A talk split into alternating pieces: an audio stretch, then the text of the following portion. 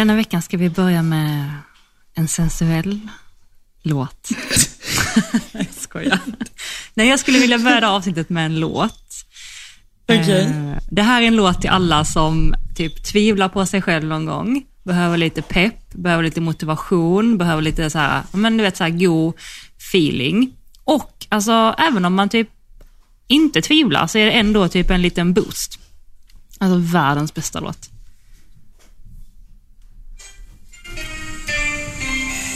They said you wouldn't make it so far, uh-uh. And ever since they said it, it's been hard. But never mind the night you had to cry. Cause you had never let it go inside. You worked real hard and you know exactly what you want and need. So believe, and you can never give up. You can reach your goals. Just talk to your soul and say, I can. I believe,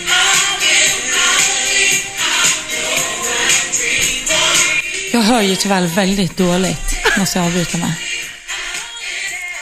Ja, okej då. Jag hoppas Men jag att tror ni jag hör vilken det är.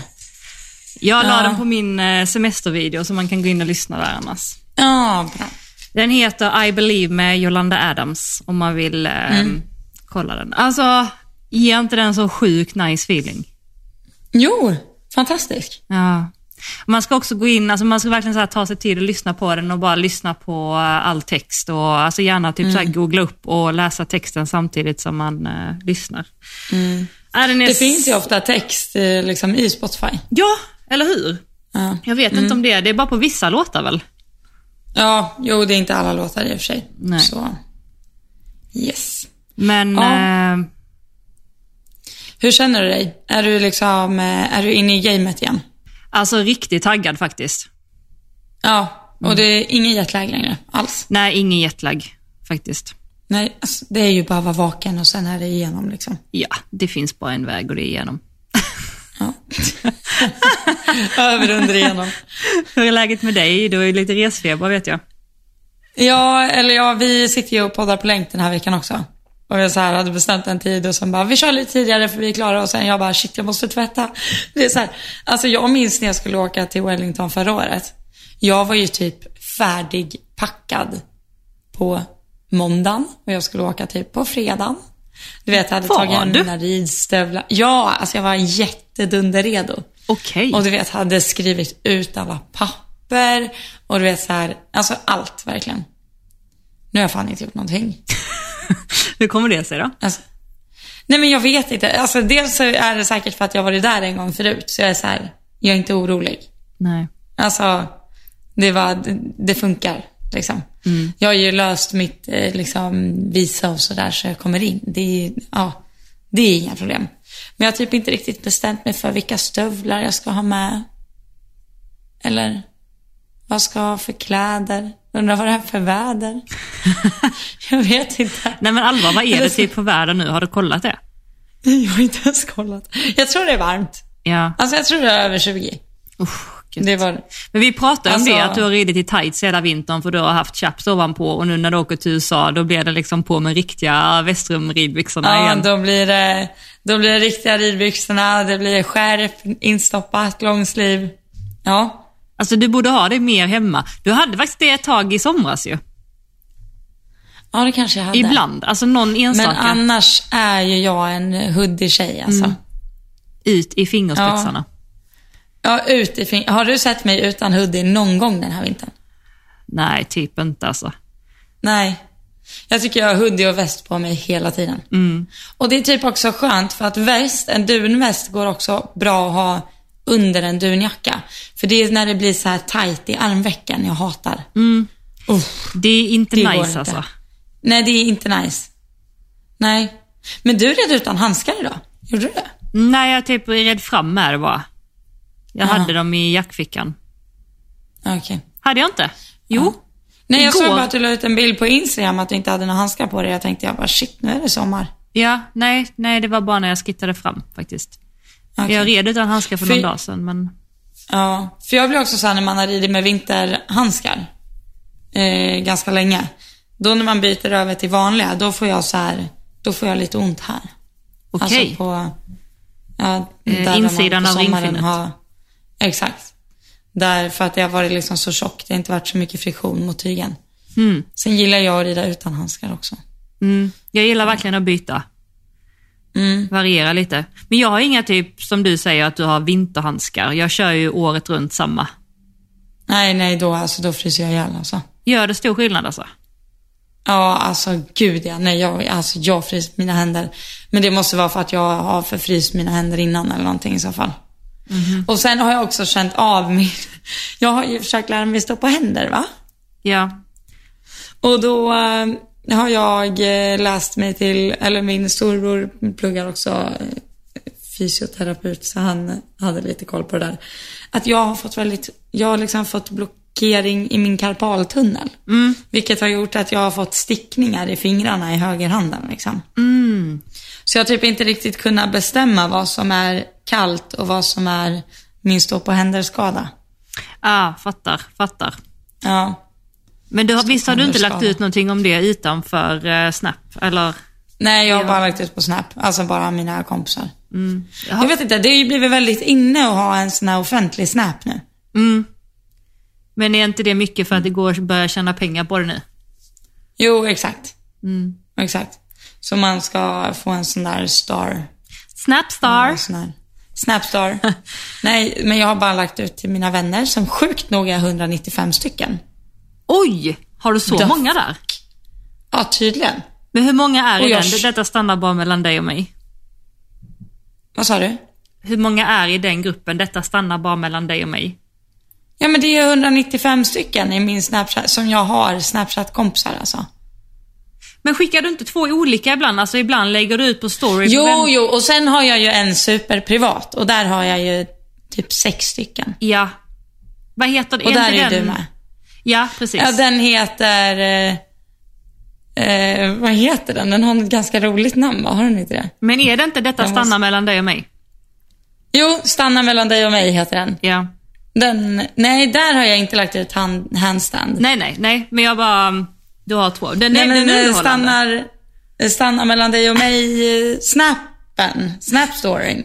Det är typ du, Alice, Eline, Jennifer, Jossan. Ja, Ja. det är inte många. Det är många som hade velat ta del av innehållet, så mycket kan jag säga.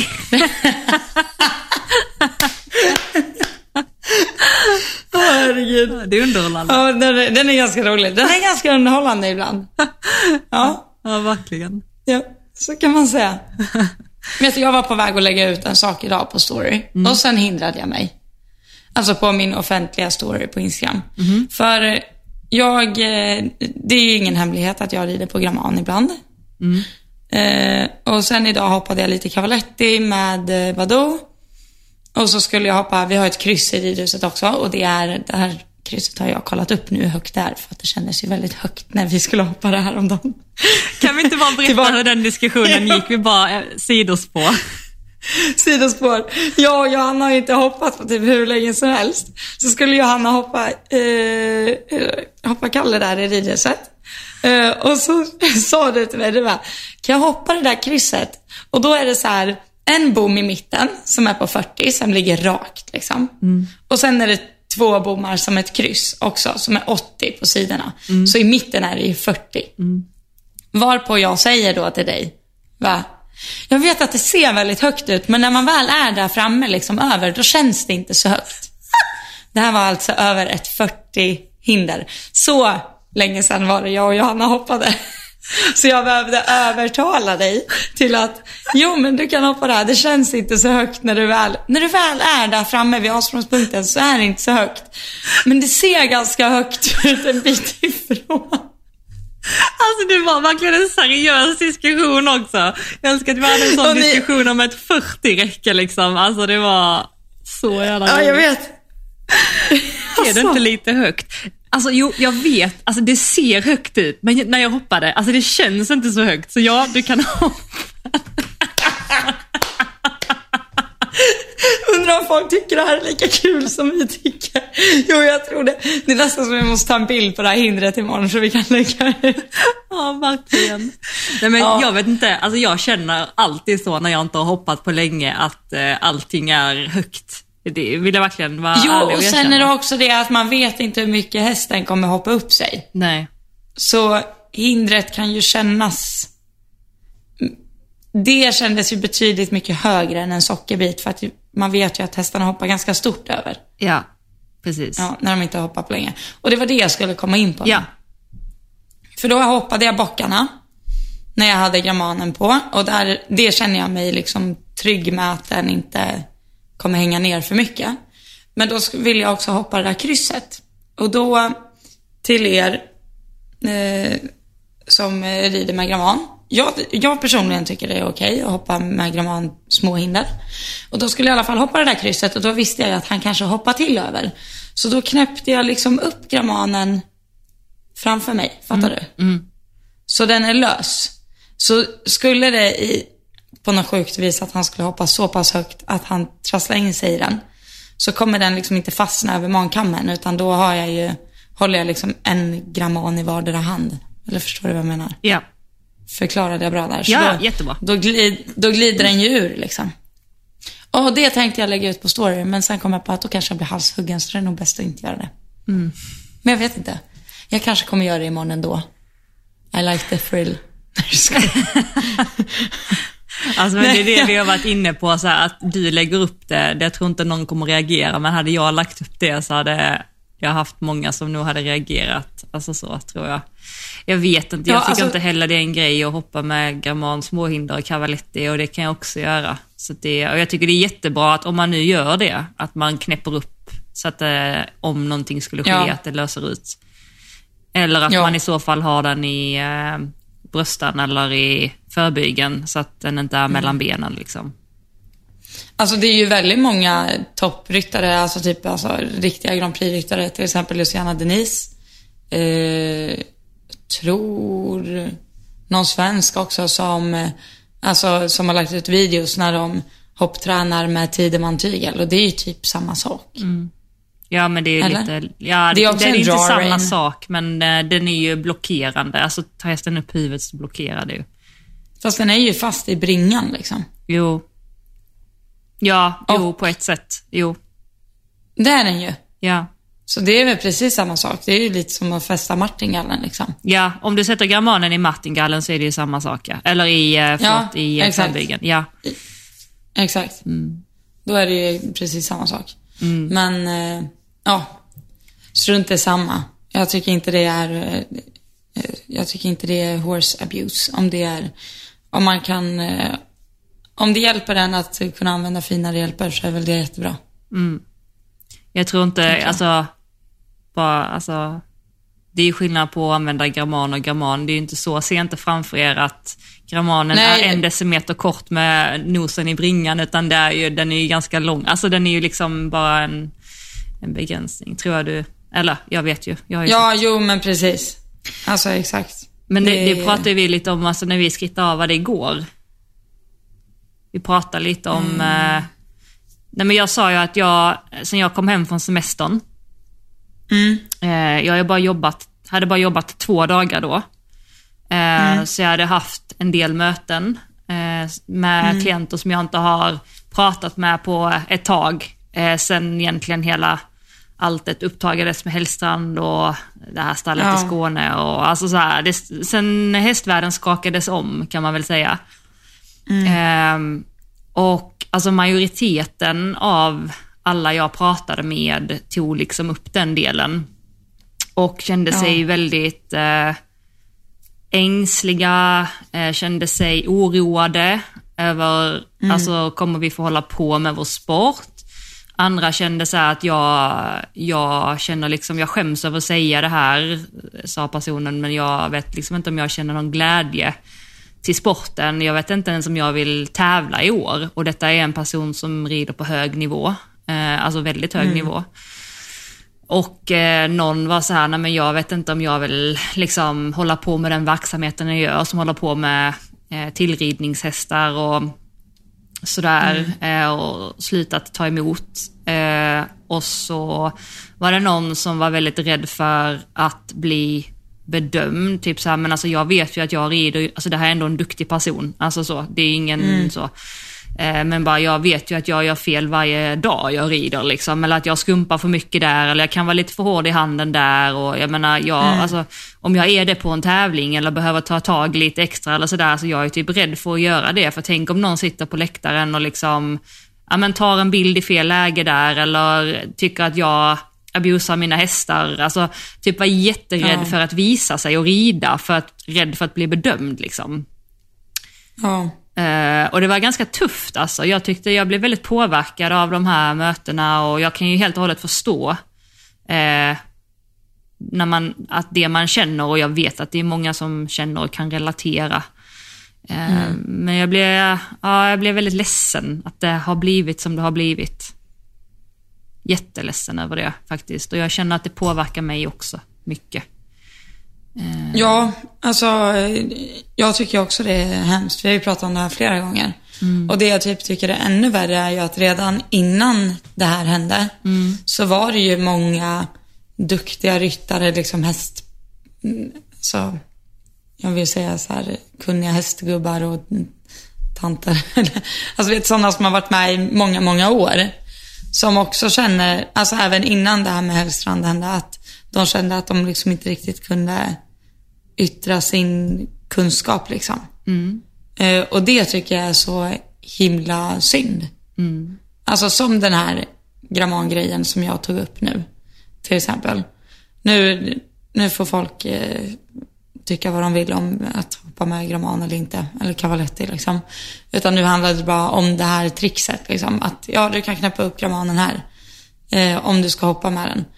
Eh, det är det säkert flera proffs som gör, men som inte lägger upp för att de inte ens vill nämna att de ibland gör cavaletti-jobb med gramman liksom. Alltså det, det tas bort så mycket kunskap, alltså som vi hade kunnat sett mer av för att det döms liksom. Mm, exakt.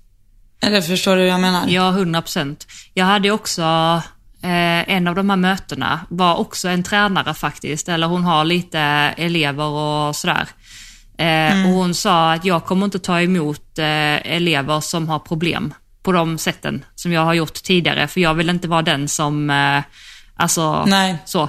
Och då, då är det verkligen så här, folk drar sig tillbaka.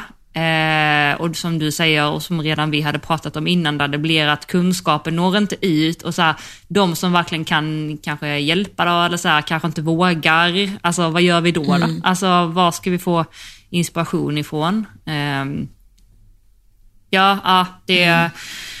Nej, jag, jag tycker det jag tycker det jag slåss med mycket tankar faktiskt eh, själv och känner själv liksom också att min, det var som jag sa till dig att ja, jag kanske så har ändrat lite inställning, just nu i alla fall, det kan ju ändras igen. Eh, Men till Ja. hästsporten och liksom, mm, Ja, för det pratade ju du och jag om också, så här, vad man har haft för drömmar tidigare. Liksom. ja exakt. Mm, Typ som ett, om vi säger ett världsmästerskap idag, hur det är utformat. Känns det liksom humant mot hästarna? Och hoppa fyra stycken 1,60 runder. Är de liksom byggda för att hålla för det? Alltså jag, jag säger inte att jag är en, jag är själv jätteosäker i min åsikt liksom. Men, eh, eller typ så här, åka runt på världscupen nu. Det har ju alltid varit min dröm liksom. Att det inte finns något, finns det ens något regelverk för liksom hur många 1,60 en häst får gå på ett år liksom. Eller en säsong. precis. Det är klart det finns regler för så här, ja du får behandla den med kortison och sen kan du tävla två veckor senare. Eh, så där, där finns ju en regel, du kan inte tävla dagen efter men det är ju, jag tror ju tyvärr typ alla hästar på toppnivå underhålls med behandlingar och så vidare. Känns det humant? Eller så bra liksom? Ja men exakt, både du och jag har ju de eh, tankarna och, och det som vi pratade om där att man har haft, alltså både du, eller jag pratar för mig själv och jag vet att du också Ja. Men eh, att man, jag har haft som ambition och mål att komma så högt som möjligt och alltså en dröm att få rida i, i landslaget. Sen om jag aldrig skulle komma dit, det har inte så stor betydelse men det har varit någonting som pirrar till i magen.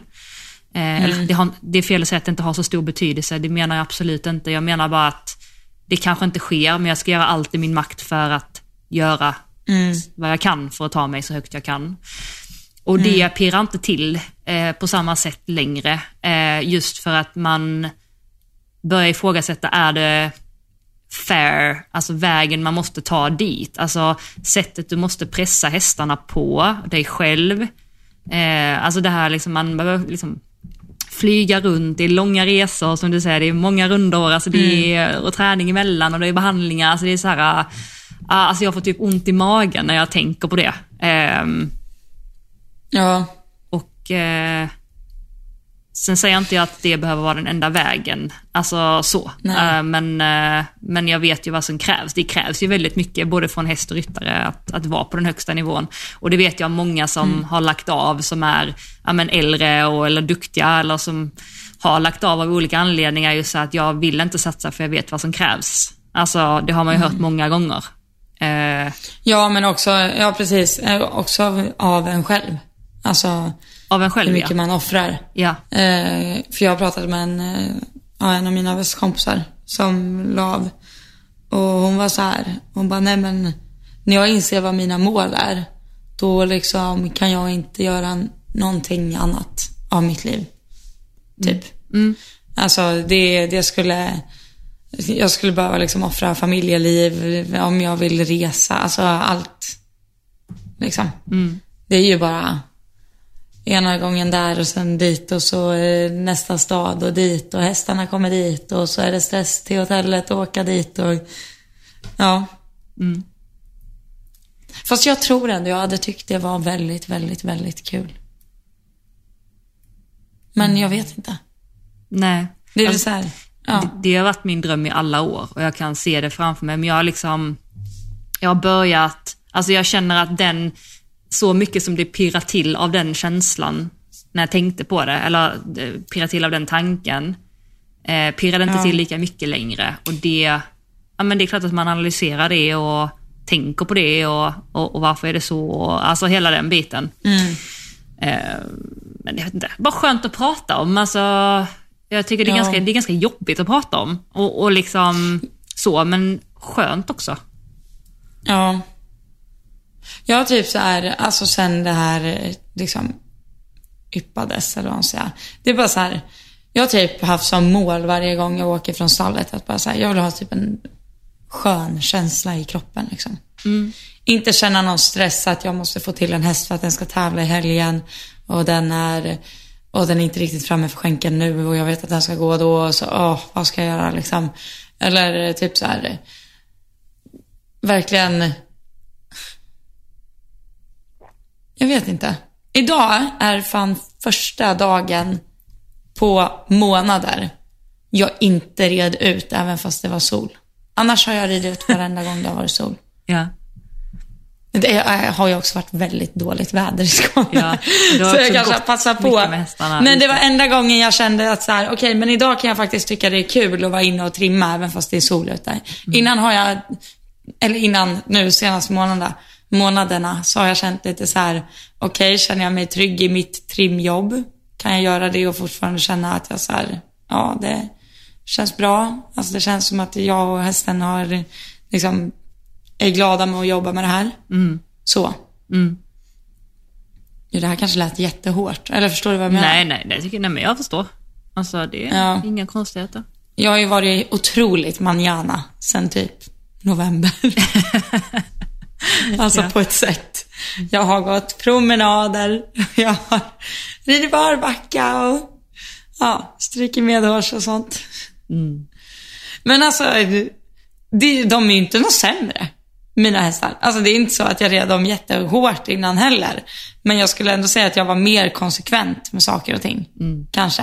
Eller typ, nej, inte mer konsekvent, men att jag nu, om jag känner så här att jag vill använda en starkare hjälp, liksom. Eller typ så här, åh, den spukar för det där hörnet. Nu vill jag trycka till lite extra med skänken och så här, mm, in där. Kanske använda sporren lite liksom. Nu istället så bara, jag saktar av. Jag flyttar lite, jag mjukar upp lite, flyttar lite siverts in, gör det i skritt, ser till att det är bra i skritt, tar det i trav, hmm, funkar det inte riktigt, saktar av, gör det i skritt igen. Alltså vet så här, väldigt grundligt skulle jag säga. Mm. Och det, det går väldigt bra. Bara, Men du kommer till samma, liksom alltså det är olika sätt att göra det på men man kommer Ja. ju oftast till samma mål. Liksom. Det kanske tar Ja. lite längre tid eller, alltså det, ibland kan jag tro att tålamodet är det vi alla behöver påminna oss om. Alltså jag tänker att Ja. tålamodet ibland kan vara det som gör att man tar en genväg eller att man är Ja. lite hårdare i hjälperna för att man blir, ja men, här, Exakt, men jag tror inte någon av nu. mina hästar är liksom lika elektriska för skänken. Men kanske att de så tar mig framåt lite bättre. Mm. Att innan har jag varit så här, okej den tar inte skänken, babam, så. Liksom. Mm. Och nu är det mer så här, okej du ska ha balans, du ska gå undan där, ding, ding, ding. Jag vet inte. Det låter som att jag har sparkat runt mina hästar som en galning innan. Eh, Det har jag faktiskt inte. Men eh, jag har varit betydligt mycket noggrannare med att de svarar hela tiden. Och liksom alltid är så här framåt, framåt, framåt, framåt, framåt. Men eh, ja, nej jag tycker det går ganska bra ändå. Mm. Speciellt med Vera då. Som jag bara har så fått att hon, alltså verkligen hittat typ ett dragläge i handen. Mm. Så jag behöver ju liksom inte ben på henne. Mm. Utan hon gillar ju att hänga lite där i sitt hack. Det funkar ju bra. Än så länge. ja, Ja, men, ja, du hoppade ju henne första gången i veckan på uh, jättelänge också ju. Eller när du Ja. hade hoppat någon gång förra veckan också, när jag inte var där. tror jag. Jo, jag hoppar lite så små, små grejer. Och jag hoppade faktiskt lite cavaletti där när mamma var uppe vid jul. Då hoppade jag lite barbacka över lite cavaletti också på hackamore och sådär. Och det funkade bra. Men hon var fortfarande lite bitter då fortfarande. Nu tycker jag inte hon har varit något bitter alls. Nej, hon var jättefin igår när du hoppade. Ja, hon... Jättefin. Jag ska hoppa henne imorgon också tänkte jag. Sista dagen innan jag åker.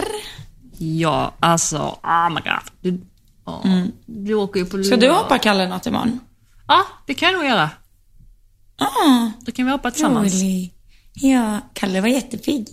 Ja, Kalle var väldigt pigg. Alltså, du är... Men jag red honom lite över kavalett idag. Idag var han faktiskt väldigt bra. Jättebra.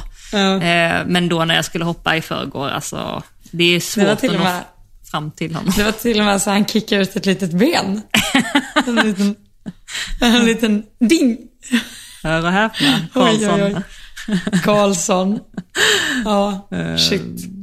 Men jag kände också idag faktiskt, idag tyckte jag det var riktigt roligt. Eh, för jag håller på, alltså jag har verkligen ett tydligt mål med, med Fia och sådär. Jag, kom, jag har ju kommit på mig själv att eh, jag har varit för dålig på alltså, att dressera hästarna.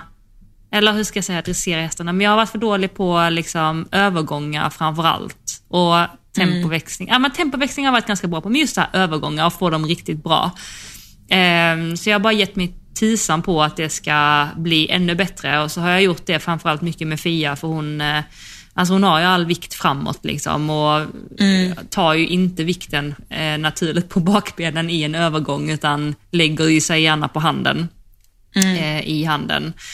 Och jag har bara liksom, nu har jag bara gjort det två dagar, tre idag. Och idag kände jag verkligen så här, gud, de här eh, två dagarna har gjort stor skillnad redan. Och då har de två dagarna innan känts, som jag sa till dig, för jäkla. Alltså när man sitter där man bara, alltså det här gör ju ingen nytta alltså. Ja, det gör alltså det här, det här kommer liksom, men man bara gör det. Man bara kör på, kör på, kör på, kör på, kör på. Och sen så får man en betalning lite längre fram. Ja. Så jag fick känna Beskriv, liksom, beskriv vad du har gjort. För du berättade lite för mig idag i ridhuset när jag kom in.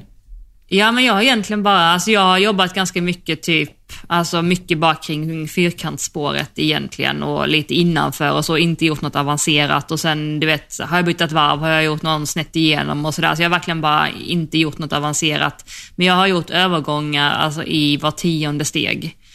Alltså jag har haft henne i skritt och så försökt ha henne eh, nej i kontakt, att hon ligger kvar där, att inte hon hänger och heller inte att hon går bakom, utan ha henne bra där. Eh, och sen eh, att hon skrittar på, inte, inte så mycket, alltså, det var som jag sa till dig idag, man hade ju önskat att det var mer kanske aktivitet i skritten, man hade önskat att igångsättningen i traven var mycket mer så här, framåt, men, men jag är långt ifrån där att fixa det, så att jag bara drar ner, eh, engage, vad heter det, drar ner, eh, vad sa jag, vad använde jag för ord innan? Idag. Engagemanget, eller svunget liksom. Ja, jag, men vad sa jag Farten. innan vi red? Jag sa något bra ord där. Ja, Jag kommer inte ihåg. Men eh, att jag liksom inte, att jag bara tar det lugnt liksom. Men att hon skrittar i kontakt och sen att när jag sätter igång att jag, allting verkligen kommer från skänken. Så att det inte är att jag ger efter i handen och öppnar dörren för mycket. Alltså, förstår du vad jag Att menar? falla fram liksom. Ja. för det är ju min naturliga, alltså där är jag ju bäst. Alltså på att vara följsam på ett sätt som kan vara lite, bli odresserande. För att jag kan ju liksom tänka mig fram till trav och göra det jättesmooth. Men jag använder Ja. sällan liksom mina hjälper alltså på rätt sätt. Så att det gör jag. Och sen när jag kommer fram i trav att jag verkligen har kvar henne i den formen eh, och att hon fortfarande är jämn och fin på bettet och travar igång ärligt. Och sen så fort det bara känns bra, alltså, eller bra, så bra det kan göra, så går jag ner igen i skritt. Och så vill jag samma där, att hon behåller kontakten och kommer ner och att jag känner att övergången kommer inte från att jag drar henne i munnen liksom. Eh, utan övergången kommer från att hon verkligen så här, vinklar bakbenen, kommer in med dem och jag bara rätar lite grann på mig och så känner jag att hela hästen är under mig. Eh, innan har det varit lite som en dragkamp, du vet, så här, jag drar, hon drar. Ehm, Och så bara gör jag det och då känns det ju för jäkligt för det känns ju inte som att det funkar. Eh, men det gör ju verkligen det. Det var faktiskt Ja. intressant för det var någon som skrev en fråga eh, när jag la upp idag. Kan inte ni ta upp i podden vad ni tänker på när ni gör övergångar? Typ. Mm. Eh, så du får jättegärna dra ditt också där. Men eh, Alltså jag är lite så här, det finns ju olika sätt att göra det på. Verkligen. Jag skulle vilja säga att jag, eh, jag tror att i början kanske att, om jag säger att jag rider hästen liksom i en normal form liksom på tygen. Eh, så när jag, speciellt typ Lasse, när jag vill göra övergången från galopp till trav eller trav till skritt. Att när jag stänger handen då kommer han lite bakom liksom. Och det där har jag verkligen försökt ändra på. Och då när jag var, jag var ju i Tyskland ett tag och red. Och då, han som, ja, hade stallet där, han skrek ju liksom Hände får! Det betyder att ge handen, liksom lägga fram handen. Så när man gjorde, alltså när man skulle samla hästen så skulle man ge handen. Så att näsan åkte ut. Och hästen satte sig ändå liksom. Det här är ju väldigt svårt att göra liksom, i, i en stor galopp. Det var ju därför, det var samma ställe där vi red typ alla unghästarna i nedsittning i trav. Eh, för att de inte skulle kunna rinna iväg liksom. Så du av din liksom, jag vill säga pelvis men det är inte det, är ju inner ties liksom. Att du kan typ stänga, stänga rörelsen för hästen och ge handen och därifrån få skritt. Alltså från, från trav få skritt.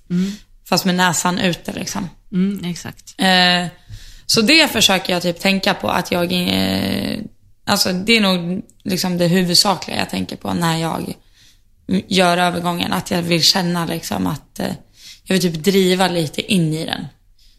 Och att den verkligen är under sig. Liksom. Att jag inte tappar bakbenen, att inte näsan åker in och bakbenen slutar gå. Exakt så. Precis. Exakt. Eh, Så jag vill egentligen, men jag tycker också du har rätt där, för det är inte det att jag vill ha dörren öppen fram till, liksom. inte helt. Nej. Jag vill inte ha glappt, utan jag vill känna att hästen alltid känner att den kan ta liksom, stöd framåt, neråt på bettet. Eh, även om jag håller. Jag vill inte liksom ha eh, manipulerat munnen till att hästen är rädd för bettet och liksom vill pressa in Nej. nosen i övergången. Liksom. Nej, exakt. Eh, ja, Nej, men det så jag... Men det är väl typ det jag har tänkt, skulle jag säga. Det var bra förklarat, det var jättebra. Eh, och målande. Alltså när jag säger typ stänger dörren, jag menar att jag har ju en tendens att låta hästen falla ur eh, ifrån mig. Alltså- Om du förstår vad jag menar, att jag kan typ så här ge... Ja men typ jag kan, jag kan gå fram med överlivet och verkligen så lätta i handen bara för att få trav.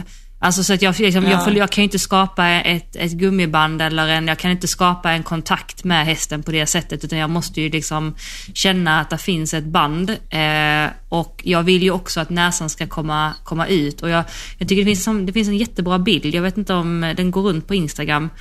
Men att man liksom nästan typ så här tänker att, precis som det du är inne på, att, att händerna ska vara liksom givande, att hästen ska vilja gå, alltså, hur ska jag säga, man tänker att man har nästan två bambupinnar till hästens mun så att man ger Ja. mot, inte att man drar. Liksom. Nej, Och det är precis så jag vill eh, också. Så det, när jag, jag vill bara förtydliga där så att inte du, man tror att jag vill stänga, dra in näsan. Nej, men jag, jag, tänkte förtydliga där som du är. Du har ju liksom... Du är ju den ryttaren som ger två pluppar på tygen när hästen frustar. Liksom. Ja men alltså jag går ju fram. Ja. Alltså, jag, jag, Det är så här, så varsågod liksom. Ja. Men, eh, ja, nej men jag, alltså, jag förstår. Verkligen. Det gör jag. Men jag brukar också tänka, alltså i allt markarbete oavsett om jag gör övergångar eller vad jag än gör. Att jag så här, vill ha manken upp till mig, fattar du? Mm. Att jag aldrig vill ha den där punkten bakom öronen. eh, Liksom uppe. Utan jag vill ha manken uppe. Mm, det är bra. Och där vet ju alla, eller alla som kan lite hästanatomi vet ju liksom hur halskotpelaren ser ut på en häst. För den är ju väldigt, eh, alltså den är ju supersvängd. Som liksom. ett S typ. Så, så fort vi drar in näsan på hästen så blir den hyperflexad verkligen. Eller liksom högernacken in med näsan, den blir ju, ja den ser ut som ett S verkligen. Eller om, ja, ja verkligen. Så um, men det, alltså det vet jag till och med att jag har haft några elever när jag har frågat dem liksom, hur ser halskotpelaren ut på en häst? De bara, ja men ryggraden går ju här liksom. Men det gör den ju inte. Den, går ju, den sitter ju inte liksom Den går inte längs med mankammen, nej. Nej, den går ju ner liksom i, i bringan. Mm. Så, ja.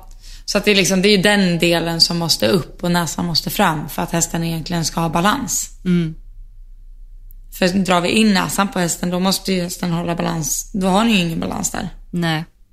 Den är jättemycket balans i halsen. Interesting. Ja.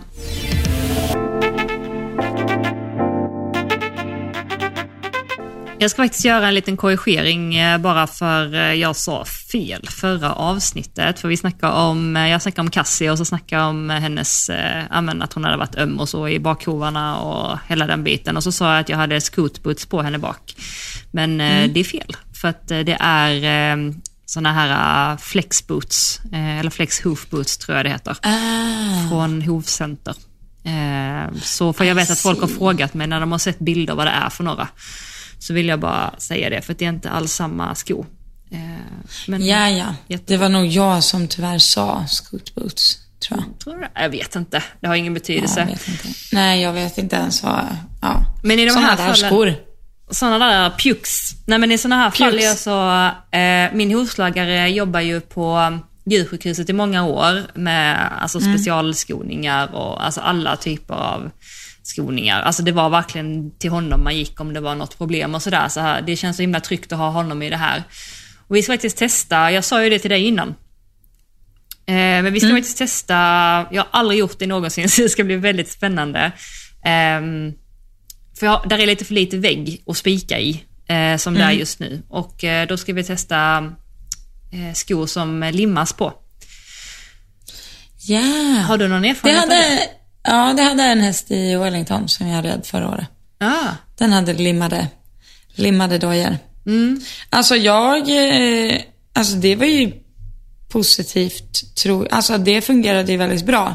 Men sen tror jag ju inte det är sustainable att ha på lång sikt. Nej, liksom. det är inget man ska på lång sikt, utan det är Nej, bara det, tills och det det är går... ju, alltså det är ju lite som sulor typ liksom. Mm. Att eh, man kan ju sula sönder en häst eller vad man säger. Nej men att eh, som, desto mer du stänger in hoven, desto mer liksom förlorar ju den sin naturliga funktion egentligen. Ja, men man vill ju inte ha det långsiktigt. Men eh, jag tror att det är speciellt nu när man känner att man vill ha en sko, men man kan inte spika i den och hästen är lite, lite ömfotad fortfarande. Alltså hon är verkligen inte öm så, men lite, jag känner ändå att det är lite kvar. Eh, Så tycker Ja. jag det är en fantastiskt bra lösning. Alltså, Jag tycker det ska bli jätteintressant att, att se. Jag tycker det är så kul när man får lära Ja. sig nya saker och testa nya saker som man inte har gjort tidigare. Ja, jag vet. Det, alltså, jag tycker det är jätteintressant. Jag var också hos veterinären förra veckan och då, ja, det, man står ju alltid och snackar. Ja, i. Och du vet, man, liksom, man undrar över det där och det där och varför ser det ut så där, där och varför var veterinär är ju kiropraktor också. Och ja, nej men så här, lite som vi pratade om förra veckan också, att eh, vara genuint intresserad hela tiden. mm. Nu missade jag tyvärr när Kasper skodde mina hästar igår för jag var hos tandläkaren. ja just det. Men det såg, eh, det såg bra ut. Det var inga konstigheter. Som tur var. Jag har ju gått tillbaka till old school. Alla mina hästar har ju järn, järndojor runt om. Just det, men just det, det har du inte berättat om i podden. Kan du inte berätta lite om det? För jag antar att folk ändå kommer fråga. Jo, men jag tror jag berättade om, eh, om Badoo, eller? Jo, Badoo berättade du om. Ja, det gjorde du. Ja. Men... Eh, Nej, och sen de andra... Eller Bambi har bara skor fram, för hon är ju bebis. Och, eh, och hennes bakhår är jättebra. Eller alla hennes hår är jättebra. Men, eh, nej men jag, jag har valt att gå tillbaka på eh, vanliga järnskor för att eh, jag har väl insett att det finns väldigt många andra saker i min ridning jag kan eh, liksom lägga tid på att förbättra innan ett skobyte har någon sorts inverkan whatsoever. typ, alltså på riktigt. Men sen är det också så att eh, galoppsprången kan bli upp till alltså 20 centimeter längre om du byter från en järnsko till en eh, aluminiumsko. det är Vilket är helt sjukt. För 20 centimeter är väldigt mycket. Och mitt ständiga problem är att sätta ihop mina hästar. Så då om de har lite tyngre skor på fötterna och galopperar lite mer uppåt, då är det jättebra för mig. Så, då, är det ju dumt att få dem markgående. Liksom. Nej, men skämt åsido. Eh, alltså, Badoo har jag ju bara haft eh, positiva, alltså bara positivt eh, av att byta tillbaka. Och jag kan typ se ett mönster av att eh, han var med, han gick väldigt bra. Jag tog av dem, han hade en viloperiod, jag satte igång han igen. Han blev typ aldrig fullt lika bra. Jag satte på aluminium för att jag ville vara så nära barfota som möjligt, men jag ville ändå ha ett skydd. Ändå så här, mm, mm, mm. Började träna mer för Linnea, valde att byta tillbaka till järn, så det är ju kombon träning och... Men jag tror ändå det har haft en inverkan att byta tillbaka. Och sen är det också det att en aluminiumsko, eh, det sker ju en kemisk reaktion mot eh, hoven med aluminium som gör att den kan luckra upp hoven något. Eh, och det märkte jag av på Badoo. Mer än de andra. Mm, det Men, jätteindividuellt. så det var också, det var jätteindividuellt ja. Eh, Men det var ju för att han hade dragit av sig en sko, sen drog han av sig den igen och sen ville den liksom inte riktigt bli hel. och då sa vi bara det att nej men vi sätter på järn. Liksom. Eh, ja. Men jag vill mig tro att det har haft sin inverkan till det bättre liksom. Men du kände väl det ganska omgående? För jag minns att du var ganska äldre och direkt. låg. Alltså, ja, ganska direkt. Speciellt i hoppningen. mm. Vad var det du kände skillnad Alltså, Nej men mer, eh, alltså inte, inte lika, alltså innan har ju han känts som att åka en, liksom, en F1. då? En vad? Alltså en, alltså en En Formel F1? 1-bil. Ah, en, ja, ja. Alltså nosen i backen och så, mm, så liksom. Nu är han ju alltså verkligen uphill. Men det är ju en ridfråga, det är det ju. Men, eh, Men du märkte ju på steget, alltså från en dag till en annan är det ju inte ridrelaterat. För du kände ju direkt Nej, det är det ju inte. Men det upp. kände jag ganska fort. Jag, Alltså bara när jag hoppade små hinder, att jag kände att språnget inte var lika långt. Mm, exakt. Jag tror inte det var lika långt. Nej. Och det är ju ganska, alltså, Mm, Det tror jag är samma sak. Alltså skulle man byta skor på någon som springer häck liksom. Det är klart att den hade känt skillnad om skorna helt plötsligt väger dubbelt så mycket liksom. Eller mer än dubbelt så mycket. Mycket mer väger de, jag vet inte. Mm, Jag vet inte exakt på alltså, hur många gånger mer det blir, men det måste vara Nej. mer än dubbelt va? Jo, det måste det Ja, vara. jag tror De det. är så de är lätta. tunga alltså. Ja, Ja, men det är ju... interesting. Ja, verkligen. Mm. Ehm, alla vet vad jag har gjort förresten? Nej. Jag har tagit hjälp med mitt hem. Oh, interesting. Mm, verkligen. Alltså jag har... Från skor till, eh, till hem. Ja, du ska få ett inredningsproffs. Ja, eller alltså... Eh, det, är kanske, det, det är faktiskt två tjejer som hjälper mig, eh, oberoende av varandra. Sådär. Men eh, de jobbar inte som det. Den ena pluggar till, till det. Eh, och sen den andra Ja. gör det för att hon bara är jätteduktig. Alltså hon gör det på hobby. Eh, Så jag la ut på story bara och frågade om, om någon vill hjälpa mig. Ja. Fick, alltså jag fick jätte, jättemycket svar. Det tänker jag många gånger, alltså när man har så många som, är, eh, ja, men som följer en. Att herregud vad mycket kunskap det finns där ute. Alltså, jag vet, jag man tänkte behöver på det en också. jurist, det finns en jurist. Man behöver en frisör, det finns en frisör. Det Det, behövs någon som kan hitta en semmelwrap. finns. 25 svar. Alltså, Ja. man är så bortskämd med det. Ja, alltså det är så många gånger jag sa, gud jag måste ha hjälp med det här. Eller jag måste bara, jag slänger ut en story. Ja. Och så svarar folk. Alltså vilka eldsjälar där ute. Alltså det är helt otroligt alltså. Ja, men vilken, alltså det är jag så tacksam över. Vilken eh, unik egentligen så, vad heter det? Eh, unik... Uh, ja, tappa ordet. Ja, tillgång. Tillgång, Alltså, exakt. Vilken tillgång. Men i alla fall, och det var många som skrev faktiskt, men det var verkligen så här två tjejer som, eh, ja men du vet som man kände verkligen hjärta i och som jag fick så bra energi av och som verkligen skickade bilder på alltså den stilen som jag gillar och så.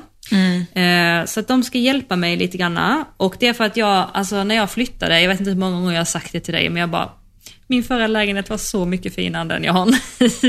och, alltså det är typ så här. Ja, alltså min förra lägenhet var ju faktiskt speciell för den hade så, den påminner jättemycket om din lägenhet. Den har så högt Ja. i tak, den hade kakelugnar, den hade stuckatur, den hade, alltså så fin. Sen den här har ju också kakelugn och lite högre i tak än standard och sådär och det är egentligen en sekelskifts, alltså hela byggnaden är så, det är lite stuckatur men det är liksom inte alls samma känsla. Och i förra lägenheten var det mycket spegeldörrar och sånt, så att det fanns liksom inte så mycket tomma ytor. Om du förstår vad jag menar. Utan Nej, nej. Väggarna var täckta liksom. Av olika fina saker. Eh, och här är ganska många vita väggar och jag får verkligen inte till det. Jag har liksom ingen känsla för att hitta så, okej men här, den här tavlan hade varit fin, eller ska man ha tavla, eller ska man ha spegel där kanske, eller ska man ha hyllor, alltså så. Så att det är det jag behöver hjälp med. Eh, Så eh, det ska bli jättekul faktiskt. Och, alltså, något som har känt lite ångestladdat innan, för jag har verkligen bara så här, typ stoppat huvudet i sanden. Alltså verkligen. Alltså det känns lite Nej. pirrande nu. Fast du har det jättefint hemma. Tack, men du fattar vad jag menar när du ser. Ja, ändå. jag förstår vad du menar. Ja. ja. Men eh, en sak jag tänkte på där också. För att eh, jag vill verkligen så här lyfta upp människor som är, eh, och hur ska jag beskriva det? Alltså som är så typ självsäkra, alltså som är skitduktiga på sin grej. Men typ skryter inte om det, utan de är bara så duktiga, men de är också så liksom, ödmjuka och också Ja. så typ proffsiga och så självsäkra i sig själv. Inte så att det blir skrytigt utan att det blir, man bara känner att den här personen vet vad den pratar om. För att jag pratade först med, varför jag har två tjejer, det kan man också fråga sig, för att jag hade en tjej som, som skulle hjälpa mig, som jag hade pratat med och sådär. Det var en annan tjej som skrev liksom efter eh, henne och jag kände så mycket för henne också. Eh, och hon ville hjälpa mig och i och med att hon gjorde sin utbildning och sådär så var det jättebra typ träning för henne också att, att göra.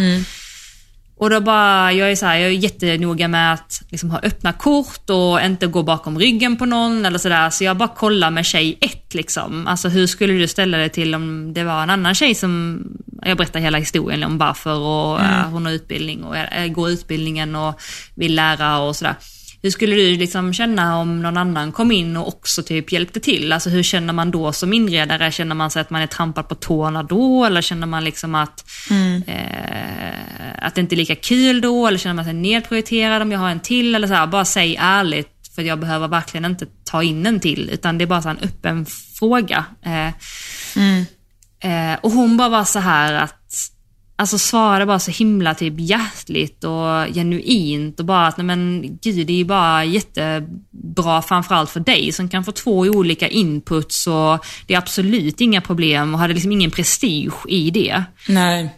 Och precis samma Nej, sa den andra tjejen. Eller hur? Det är så... Åh, vad jag älskar människor som inte har prestige i... Eh, så här, utan, Och det, det visar också att man är så här trygg nog med det man själv gör. Ja. Alltså, fattar du? Ja, Skulle du då, alltså skulle vi säga att de kommer med två idéer till samma rum liksom. Mm. Och det, du faller mer för den ena än den andra. Att det är så här, att man inte tar illa vid sig för det. Att det är så här, ja men det här var ju min... Nej. Det, det du tycker behöver ju inte vara, vara rätt eller fel. Liksom. nej exakt. Ja. Precis. Utan också att, det, att man märker hos båda att det viktiga för dem är att deras kund blir nöjd, inte vem som har gjort vad. Och det, Nej. det tycker jag också är så viktigt. Jag pratar lite med kollegor och så ibland. Eh, för att ibland kan man ju få, jag tror vi pratade om det på den tidigare, men ibland kan man ju känna att man inte kommer längre med en klient som man har jobbat med. Eh, Eller ibland kan man känna att man inte klickar eller sådär, att man bara kan skicka vidare. Alltså att man kan rekommendera någon annan och att man inte ser det som ett Ja. nederlag eller ser prestige i det. Och det vet jag vi har pratat om i, med vår tränare också, att hon är ju exakt sån. Typ att hon är väldigt, ja men så här, ja men alltid nyfiken och ja, är inte så liksom, Ja, alltså, så också, länge det man funkar. blir väldigt, Alltså, man blir ju väldigt, alltså så här, eh, väldigt eh, inspirerad av de man ser upp till, de man vet har mycket mer kunskap än vad man själv har. Och är väldigt liksom bevisat duktiga. Men som fortfarande är liksom hungriga på att lära sig mer. Det är ju de egentligen som man... Alltså tänk vad tråkigt att stöta på någon man är liksom ett fan av, säger vi. Och, och sen är den helt så stängd till allt annat. Det skulle nog vara en dealbreaker för mig. Alltså helt ärligt. Att, eh, att, så här, att tro att man är fullärd liksom. Oavsett vilken bransch det än gäller liksom. Tror jag. Eller håller du med mig? Mm, jag hör dig. Ja, jag håller med. Jag håller helt och Ja. hållet med. Men jag har, liksom, det- jag har nog haft människor i min omgivning eller tagit hjälp av människor som har varit så och sett det. Alltså typ, det har väl känts lite jobbigt, typ, alltså man har haft en sån känsla som kanske inte har varit helt så här, det har inte flowat helt. Man har känt så här, mm, men man, jag har inte kunnat sätta ord på det. Men när jag har så många människor i min omgivning nu som faktiskt är så som vi pratar om, då blir det så att nej gud, jag vill inte jobba med någon som kommer vara alltså my way or the highway typ. Ehm, Ja. eller så. ja, åh gud, alltså nu, dels för att du pratade inredning Jag vet vad och du ska för att du säga sa nu. just, just uh, My Way or the highway, highway. Då tänker jag bara på uh, Love is blind. Kristoffer och Katja ja. Och, ja exakt. Och så liksom så här måste jag, känner jag att jag måste förklara mig för att det här har ju blivit en grej. Jag tror jag har sagt mitt hjärtas fröjd och eviga längtan. Kanske 250 gånger de senaste tre dygnen. Alltså jag skämtar inte. Nej. Alltså varenda gång någon har ringt så har jag sagt mitt hjärtas fröjd och min eviga längtan. Varje gång jag har stött på dig i stallet. Och mitt hjärtas fröjd. Alltså, eh, men det roliga är att skulle jag, alltså är jag fan av någon person i det där rummet, alltså, eller i det, i den serien, så är det ju han. Alltså då är det han med lila håret. Han verkar som den mest genuina, eh, fina, alltså ärligt snälla, alltså snäll utan intention att få något tillbaka. Alltså så. Den absolut finaste människan av dem som är där inne. Men ja, jag tycker det är väldigt roligt den här sägningen. Mitt hjärtas fröjd och min eviga längtan. Ja. Ja. ja, men alltså det känns typ som att alltså det är, alltså hela, alltså du med all, alltså inklusive mig själv, det har liksom satt sig i huvudet. Det känns som att hela Ja. internet använder den frasen. Typ. Jag vet, Alltså, men jag hoppas han inte mår dåligt av det. Nej, Gör han nej det, tror det tror jag inte. Eller alltså... Men Fast det är mycket... Mm. ja, det här är också typiskt så. Jag tror eh, inte att, eh, nu ska jag inte, han, nu har ju det här blivit en jättegrej och alla gör ju parodier på det här. Men jag tror typ att det här är den typen av person som sitter lugnt i båten ändå och är så här, ja fast det är jag och jag gillar att säga det och jag eh, är i alla fall ärlig med det. Liksom. Mm. Alltså en så, så här down to earth liksom. Ja, verkligen. Eller? Jag, jag tror han är jättetrygg i sig själv faktiskt. Alltså verkligen som du Jag säger. hoppas det. Ja, jag Eh, så jag inte har bidragit till någon eh, cybermobbing här. Nej, det hoppas jag inte. Men de får så mycket skit, de Jag här deltagarna, tycker jag. Alltså, gud vad det de skvallras det? och skrivs och vad det... Åh, alltså, jag tänker också så här att många gånger när man tittar på reality, alltså överlag, att fast man ser ju inte hela bilden. Alltså tänk så många timmar de har Nej, spenderat. det är ju, Tänk herregud. så mycket som har filmats och så mycket de har tagit ut för att nischa ut. Alltså tv-produktionsbolagen är ju liksom mästare på att nischa och liksom välja ut och vinkla. Alltså det ska man ju veta. Alltså det är ju, det är ju drama som säljer. Ja, gud ja. Det var som det här, ni som nu har kollat på Love is blind. Men det var en kille som var med, Sergio heter han va? Mm. Så kom det ut något rykte om att han tydligen skulle ha ett barn i någonstans i Spanien eller vad var det? I Brasilien. Barcelona. Barcelona var det. Ja, Brasilien, Spanien, Barcelona. Nära skjuter ingen hare. Ja. Men eh, då var det ju något, eh, ja, att han skulle ha ett barn i Barcelona. Och sen var det så här, de landade ju aldrig med det. Att så här, aha, vart kom ryktet ifrån? Nej, det visste ingen. Nej. Och så bara, var det sant? Nej, det visste ingen heller. Det var bara så här. Nej, det är sant alltså, faktiskt. så De gick aldrig till stageat. botten med det. Nej. Nej, det var ju bara helt stageat, kändes det som. Ja, Ja. en bra TV.